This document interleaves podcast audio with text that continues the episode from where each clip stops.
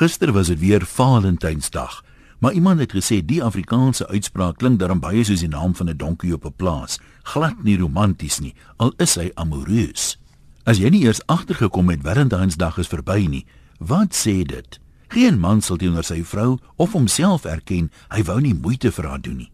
Daarom staan sulke mans gewoonlik reg met 'n rits verskonings.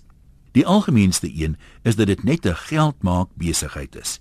Winkels gebruik dit as 'n verskoning om blomme, geskenkies, romantiese etes of wat ook al te verkoop. Maar meneer die pragmatiese ridder sien deur hulle en laat hom nie met 'n slap riem vang nie. Sy vrou het egter intieme kennis van slap rieme en het gelukkig geen vals hoop gekoester nie.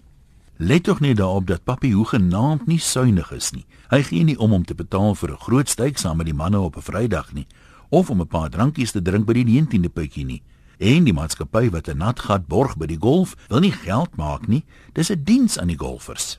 Nog 'n verskoning is dat elke dag eintlik Valentynsdag moet wees. Daarom is dit onnodig of selfs verkeerd om een dag uit te sonder. Logieserwys behoort daar dan ook nie 'n Moedersdag of 'n Vadersdag te wees nie. 'n Mens moet tog elke dag dankbaar wees teenoor jou ouers dat hulle so goed na jou gekyk het dat die welsyn jou nie moes kom haal nie. Daar skort natuurlik niks met die beginsel nie, maar hoewel jy man sal kry wat sê hulle voer dit so uit, kon ek nog nooit 'n vrou kry wat dit so ervaar dat elke dag 'n romantiese dag is nie. En eintlik is dit goed. Dink net hoe sou ons almal in 'n voortdurende staat van semi-uitputting rondgestrompel het. Die hele natuur werk in siklusse en as aan die winter was nie, sou ons nie somer so waardeer dit nie. Gister was nou Valentynsdag en luister gerus hoe praat die vriendinne vandag onder mekaar. Die vroue wat wel gister bederf is, lyk anders. Hulle oë blink en hulle glimlag meer en makliker. Die vrouens wat nie gister bederf is nie, het een van twee reaksies. Party is heimlik jaloers, maar probeer dit wegsteek. Jaloesie is mos lelik.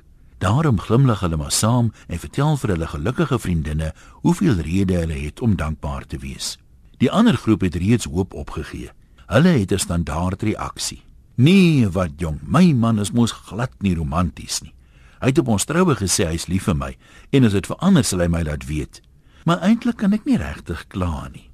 In 'n onlangse studie onder paartjies wat langer as 3 jaar getroud is, het hulle aangedui dat hulle romantiese eskapades met die helfte verminder het teenoor die eerste 6 maande. En wat was die reaksie van die meeste ongelukkige vrouens? Ek bly maar stil en gaan aan vir my man se onthaalwe. Sulke onbaatsigtige vroue se waarde is mos ver bo korale.